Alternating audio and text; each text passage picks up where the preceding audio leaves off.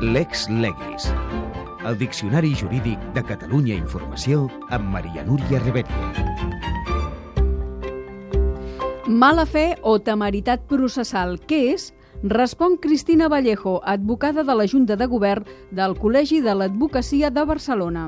La mala fe processal és una sanció a aquella persona que interposa una demanda sabent que està utilitzant un procediment judicial i uns mitjans com és l'administració de justícia i coneix que o bé no té raó o bé el que reclama ja ha estat resolt en altres ocasions i eh, està contravenint aquesta jurisprudència. Em pot posar un exemple? Com ara ens podríem trobar en el supòsit de les clàusules sol. Estan col·lapsats els jutjats uniprovincials, com en concret el jutjat de primera instància número 50 de Barcelona, quan s'han dictat uns criteris unificadors pels tres jutges que Barcelona estan resolent, dient el que eh, ha dit ja el Tribunal de Justícia de la Unió Europea. Què pot passar, doncs? Que si un consumidor interposa una demanda, avui en dia hi ha un 98% de probabilitats de que la seva demanda tingui èxit. I són eh, estadístiques que ens diu el Consell General del Poder Judicial.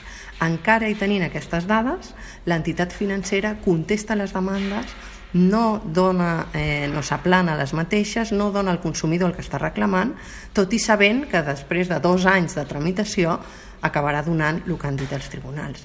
Això és una mala fe processal. A quina sanció s'exposa, doncs, qui fa servir amb temeritat el procediment, aquesta mala fe processal? Les costes judicials. El que no pot ser és que un consumidor interposi una demanda amb el benefici que té de la jurisprudència que li dona la raó i l'entitat financera no, li, no, no estigui per l'estimació d'aquesta demanda perquè sap que la seva compte de resultats fins d'aquí dos anys no haurà de pagar el que li toca. De quants diners estem parlant? Una demanda en la que reclames 15.000 euros, per dir alguna cosa, doncs les costes judicials estan al voltant dels 2.500-3.000 euros. Una demanda en la que declares la nunitat d'una clàusula, com seria aquesta, la quantia és indeterminada i per tant la sanció estaria al voltant de 5.000 euros cap a l'entitat financera. Ha vist molts casos d'aquesta mala fe processal? La veritat és que no. Jo porto 20 anys en l'exercici i sentències en què un jutge posi de manifest la temeritat processal doncs potser n'he vist tres de sentències. També és cert que és molt difícil de provar la temeritat. Eh, la jurisprudència el que, i la doctrina el que ens ensenya és que un mateix article es pot veure des de dos punts de vista i això fa que si no és algo molt flagrant és molt difícil de provar que s'està utilitzant fraudulentament el procediment. En definitiva, s'incorre en la mala fe processal quan es denuncia, tot i sabent que no es té raó, o quan es contravé la jurisprudència ja establerta.